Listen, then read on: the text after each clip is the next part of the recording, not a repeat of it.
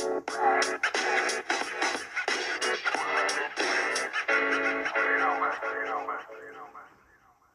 Isaac, What's up? halo semuanya. Welcome back to your Perfect Omelet podcast, the perfect podcast to listen on your perfect morning. First of all, we would like to introduce ourselves. Kali ini ada aku, Manda, dan Sasi from Isaac in UGM yang bakal nemenin para pendengar kali ini. Hai hai listener, saya Sis here. Nah, di podcast kali ini sesuai sama judul yang teman-teman udah lihat, Taking Climate Action by Adopting New Lifestyle. Kita bakal ngomongin tentang healthy lifestyle yang bisa jadi salah satu climate action. Kira-kira lifestyle apa sih, Manda? Nah, lifestyle yang bakal kita obrolin adalah tentang waste management and res- responsible consumption. Kali ini kita akan membahas banyak hal menarik and insightful dari narasumber kita, yaitu Kak Kansarania, who is the Executive Director of Green Welfare Bandung. Nah, now let's welcome Kak Kansa. Halo Kak Kansa. Hai Kak Hi, Kansa, hi. how are you today, Kak? I'm good. How are you guys? We're We're good, very Kak. good. And we are also very delighted untuk punya kesempatan ngobrol bareng Kak Kansa di sini. Nah, sebelum kita lanjut, boleh banget nih Kak Kansa kenalan dulu sama listeners Your Perfect Omelet Podcast. All right. First of all, um, thank you guys so much for inviting me to be the speaker for today's episode. Um, I'm actually so excited to share my thoughts. Um, I'm Kansa Aguiara. I'm the Executive Director of Green Welfare Bandung. So Green Welfare Bandung is the Bandung branch of Green Welfare Indonesia, a nonprofit organization, a youth-led mission to promote climate solution through climate education, food security, and sustainable agriculture. And we are focusing on the second, 12, and 13 SDGs. Thank you so much Kak Kansa. Oke Kak, sebelum kita masuk ke lifestyle-nya nih, kita mau tahu dulu, menurut Kak Kansa personally, environment and society itu apa sih? And how are they impacting one another? Hmm, okay. So, um, my own definition is, in simple terms, environment is just our surroundings, uh, interacting with one another, with nature, such as ocean, land, rivers, mountain, living things like humans do, while society is the group of people interacting with each other, sharing our common territory. And of course, they are um, the environment and the society are related and will impact humankind, such as most social injustices today have been caused by the worsening of climate crisis. Dan manusia itu adalah pendorong utama di balik perubahan iklim dan pemanasan global. Sadly, um, we are also the cause of it, and we are also impacted by this. And most of the underprivileged groups are the least responsible for the cause of climate change, but they are the most affected by it. So this is why the society and environment are related, since climate change can influence anyone's daily life in countless of ways. Hmm. Thank you so much Kak Kansa. Uh, Welcome. as you stated before, we are the, a part of the society and environment. Mhm. Sebagai Yeah. bagian dari society and environment itu kan kita tentu diharuskan untuk membangun environment and society yang sustainable kan Kak. Yeah. Terus salah satu caranya aku tuh pernah dengar tentang adopting new lifestyle yaitu waste management sama responsible consumption. Mhm. Aku dengar dari teman-teman lain, Kak Kansa tahu banget nih mengenai waste management dan juga responsible consumption. Mungkin boleh dong Kak Kansa jelasin lebih lanjut menurut Kak Kansa bag- Kak Kansa bagaimana biar kita dan para listener kita ini paham tentang lifestyle ini. Okay. I wouldn't say um aku expertnya, tapi this is like my passion in this area. I like waste management and responsible consumption lifestyle. Jadi I just want to share my um, knowledge and my opinions on it, actually. So, responsible consumption means consuming plant-based meals and also how they are made too. Responsible consumption is actually part of food sustainability.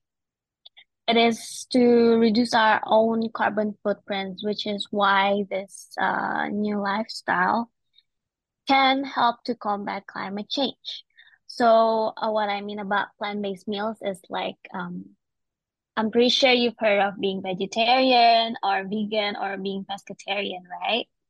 Kalau vegetarian is just uh, you only eat uh, plant-based, while vegan is also plant-based while also uh, not using any products that involve any animals in it, like fur or any or any like products that has that contains animal. Yeah.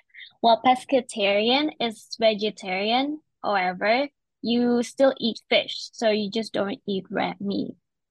Um, I know there are like many people who actually don't agree with these lifestyles and sometimes they're too extreme in their eyes, but I'll maybe what I'm going to say can change your mind. And like uh plant-based meals is actually quite easy because that's Indonesians, right? In Indonesia, we're like full of crops and we consume a lot of vegetables too. Mhm. And I would say kalau misalnya kayak um, not really changing our lifestyle, but we can adopt to it. We can like adapt to it, like uh plant-based meals, for example, kayak sate. Rather than using meat, we can just use the um, mushroom or like uh obviously in supermarkets now we have a lot of uh plant-based meat, right? That's actually made out of mushroom and then also burger. And we don't need to just try to find like veggies wraps recipes, but we can alter our favorite meals or recipes you already know to plant to plant based, like what I said, kayak sate burger.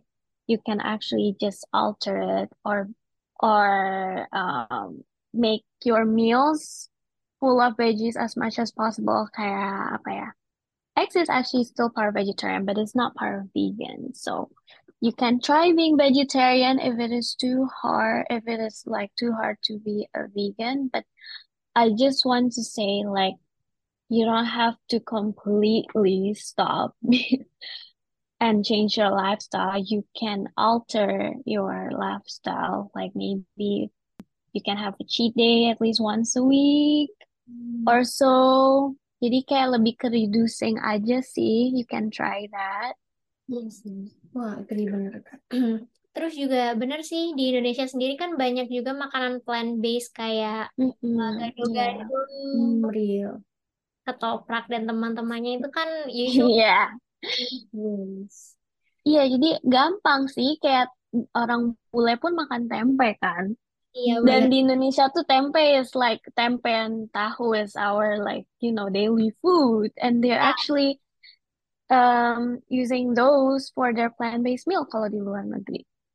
Wah, bener banget nih, Kak. So, juga aku mau nanya nih, as you stated before, we can adapt to a new lifestyle by using plant-based food, veggies, and etc. tadi kan, Kak. Tapi aku juga mau Mhm. nanya, sebenarnya lifestyle ini tuh baru muncul as salah satu cara untuk combat climate change, atau emang sebenarnya udah ada dari dulu, tapi baru sekarang banyak yang adapt to those lifestyle? Hmm, oke. Um, actually, this lifestyle tuh udah dari dulu ya, kayak uh, as you can say like um in some religion you can't eat meat, right? So that makes them vegetarians. Tapi now that people are more aware of like its impact and also like just trying to be healthy, um, more people are adapting this lifestyle, kayak being vegetarian, vegan, or pescatarian, plant-based. Now that people are more aware of it, they try their they try to become one because their environment also support them, you know? Iya. Karena kalau dulu, I'm pretty sure not a lot of people are vegetarian or vegan. Jadi mereka juga kayak you know, maybe for more insecure that they have different lifestyle. But now that more people are aware of its impact and actually see the benefits of being a plant being a plant-based, they are more comfortable in adapting this lifestyle juga dan bakal dan lebih gampang juga kan untuk nyari makanan yang Iya. plant-based sekarang di di Indonesia pun banyak dan di luar negeri pun banyak. So yeah, it's been here for quite some time. Juga bisa lebih sehat nggak sih Kak? Karena kita bisa nanam. Ya, itu juga lebih murah juga kan? Oke, Kak, tadi kan kita udah ngomongin awareness and impact of preferring to plant-based meals and etc. Hmm. Nanya nih ke Sas, kamu tahu nggak sih salah satu waste management itu mengenai apa aja, Sas? Eh, kayak yang udah kita bahas sih, yang pernah aku dengar itu mengenai food waste. Terus Hmm. mungkin listener juga udah pernah dengar ya, apa sih food waste ini? Indonesia tuh kan termasuk salah satu penyumbang food waste terbanyak ya, Kak. Menurut Kak Kansa, gimana sih tentang food waste yang di Indonesia ini? Karena dia tuh tinggi banget angkanya. Hmm, oke. Kalau tentang waste management tuh, there are quite some parts. Jadi kalau misalnya tentang food waste, that's actually part of organic waste, right? Food waste, paper, cardboard, tissue, um, any materials that is biodegradable coming from plants or animal are organic waste. Then kalau non-organic, it's like cans, glass, plastic bottles. Dan kalau tentang food waste itu, itu bisa dijadiin pupuk dan um, before we even go to the food waste part, why don't we start from adopting the five R's? Karena five R's are refuse, reduce, reuse, repurpose, and recycle. Rather than consuming more than you are able to consume and putting it on the waste, you can try to reduce and you can refuse it. For example, eat what you can eat. And when it comes to parties and big events, as we know in Indonesia, we have a lot of those. I try to just limit like the food. For example, okay, if you know there are only 100 people coming, maybe just go for like 90 rather than having excess amount of food. Then kayak, I'm still actually like, you know, thinking about nasi Padang kan kayak rumah makan Padang where they have a lot of like food and then I'm not sure whether they actually throw it in the bin when they are already on the table but they are not touched or they actually put it back onto you know in the kitchen so about that and then for refusing for example if you know you don't have a lot of like um space for food anymore it's better to just refuse it and color reduce as I said buy what you need and see the expired date too. If it come if it's near then don't try to buy more than you think you'll finish before the expired date and then for reusing oh, this is what actually I like to do when I'm like at home is when I'm cooking and I have excessive like ingredients I would reuse it for another food you know I will use that leftover to make new food or just as simple as like nasi goreng with like leftover rice and just chicken. I can make nasi goreng or I can make into other recipes. That's part of reusing. Repurpose and recycle. So repurpose is like another thing. For example, we have a lot of um bottle caps. We can make it into arts and crafts and um and recycling is the important one in my opinion because it's sometimes it's kind of hard to do the other four, but know that your waste can be recycled and it can be used for other things too. It can be made into like a new packaging for like our skincare or for our plastic bottles. And then like um for example, when we practice the five R's, eventually you'll get used to it and it will create a new habit for yourself. Right? And this can decrease your own carbon footprints, um, such as like taking public transportation, and then we can switch to reusable things rather than just disposable one-time products. Yeah, so Oke. Oke Kak, wah 5R ini benar-benar can change gak cuman climate aja ya Kak, tapi juga bisa to our personal life that we become mhm. Healthier and etc. Dan juga tadi aku ada sempat catch yang benar-benar interesting kayak yang Kakak bilang you uh, kalau misalnya Kakak selesai habis masak nih, leftover foodnya bisa dialternatifin buat bikin makanan lagi. That was a really Iya. interesting thing to do ya Sas ya. Mm-mm, And bener banget. para listener kita juga bisa ikut nih contoh and adaptasiin ke hidup mereka masing-masing. Gitu. Oke, jadi eh, aku pernah lihat salah satu diskursus gitu di sosial media. Kan aku kayak suka scroll-scroll Twitter gitu. Nah, ada salah satu yang ngebahas tentang alasan kenapa sih Indonesia tuh termasuk penghasil food waste paling tinggi di dunia. Ternyata itu tuh ada salah satu kebiasaan masyarakat Indonesia yang dengan sengaja tuh nggak menghabiskan makanan biar mereka tidak dipandang rakus gitu loh, Kak. Apalagi kalau mereka lagi makan Hmm. bareng-bareng gitu di restoran. Oh iya, bener banget tuh Kak. Aku juga pernah dengar culture kayak gitu. Menurut Kak Kansa, itu gimana sih tentang kebiasaan ini? Well, uh, kebiasaan kan bisa diganti. And this is a culture, yes, and it is seen by people abroad too. Kalau misalnya orang Indonesia, emang kayak gitu. Or kalau misalnya makanan dihabisin, kelihatannya kayak we are grateful for the food, but it seems like uh, there's an there's basically a meaning behind it pokoknya, ya kan? Jadi when it comes to that, I think just individually, you can change that, you know. Just for example, you know that this is the culture in Indonesia and it's a habit. Jadi daripada ngambil makanan yang banyak, you can actually go for less and still leave just a little. Then since like the world is evolving, I feel like this uh, habit needs to be changed, in my opinion.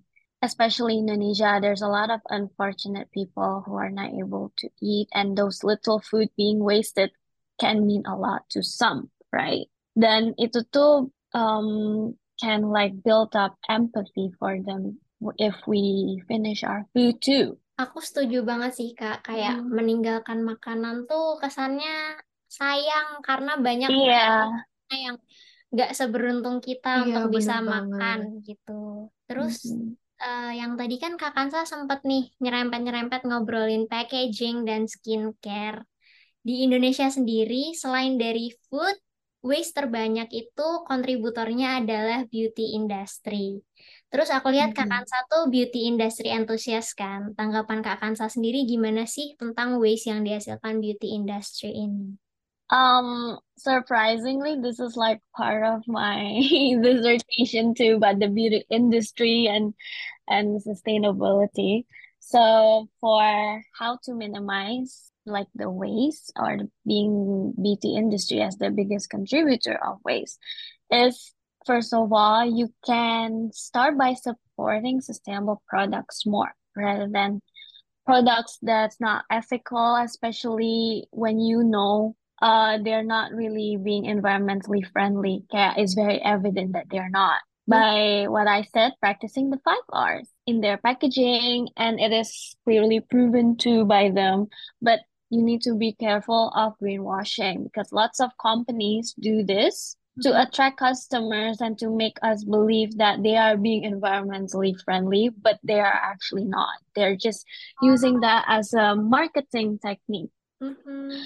So what you can do is, of course, you can recycle your finished skincare product. For example, I think I saw like Sociolla, they do this. Oh yeah, yeah. they, Yeah, Sociolla, Garnier. Yeah, benar-benar.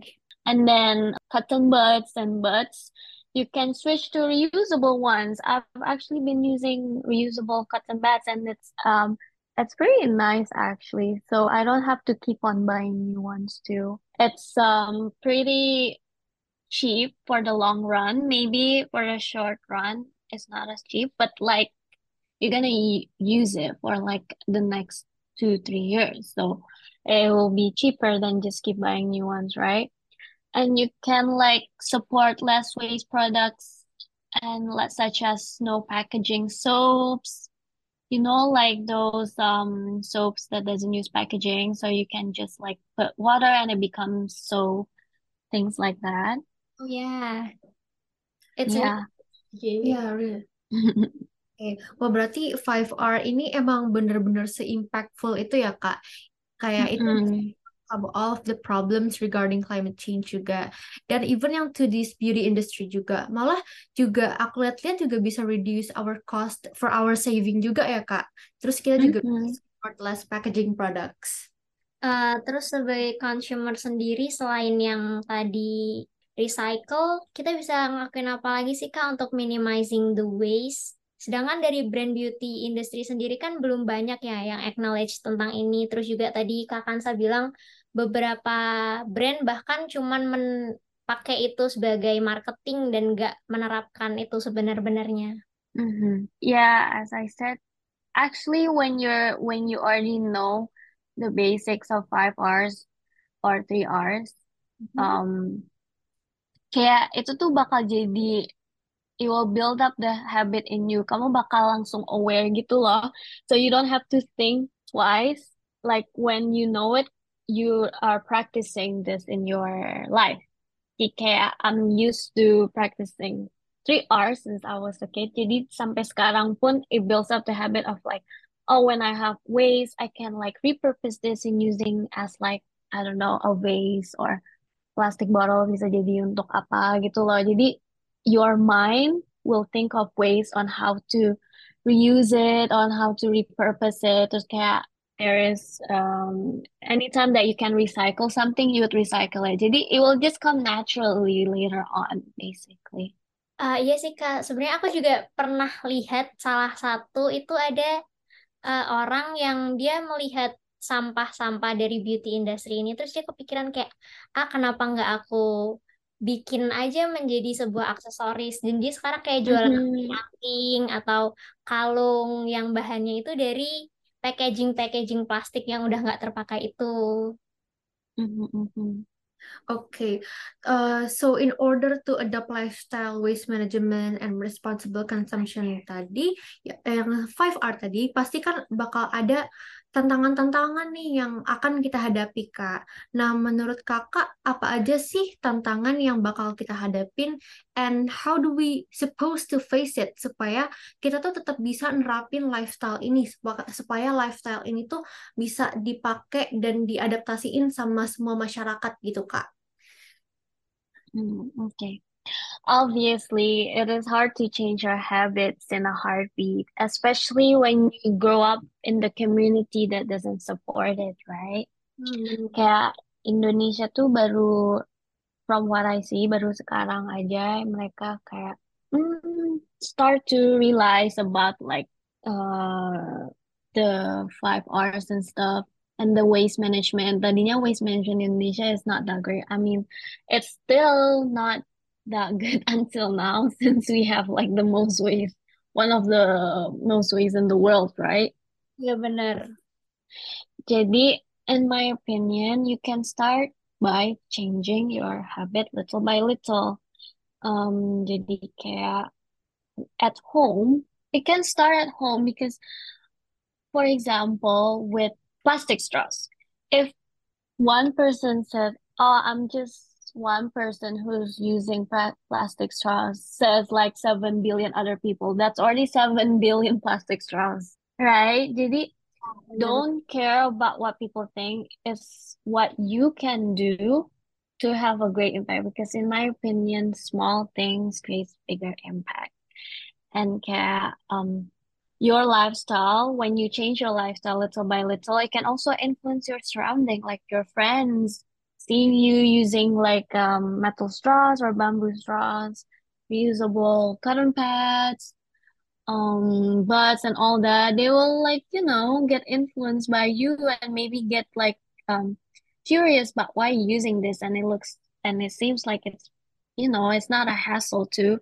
And they will eventually change their lifestyle. So I suggest that you can start from home with the little things, you know, like uh, what I said when cooking, you can you can like um, keep the excessive ingredients rather than throwing it in the bin. You can use it for something else. Well, in Indonesia, it's divided into non-organic or organic, but at the same time the the bank sampah pun kayak gak banyak juga sih in Bandung. Especially I only know like a few, but surprisingly there's one near my house, so I'm quite lucky that it's like near my house. But there are like apps that you can download like Octopus where they do circular economy. Mhm. So it's actually, you know, there's a lot of platforms to do that. You don't have to you don't have to be worried that you can't find places to recycle when you can just find it. Like there's even apps for it where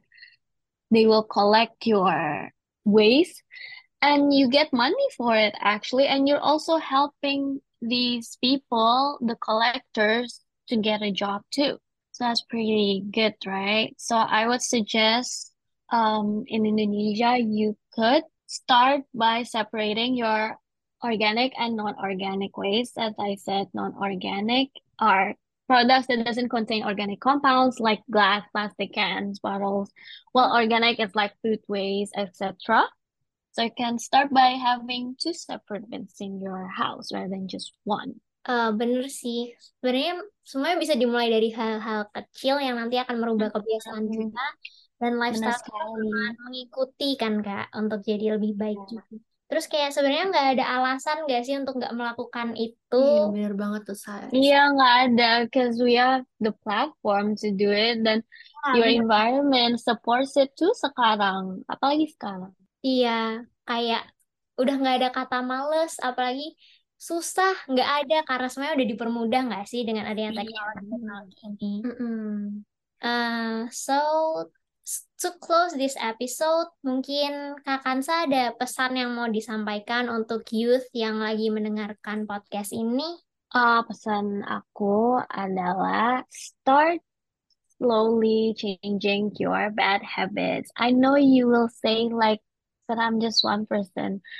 Like what I said before, if 7 billion people said that, that's already 7 billion ways.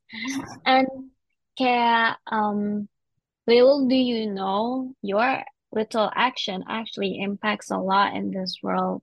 Um, start educating yourself.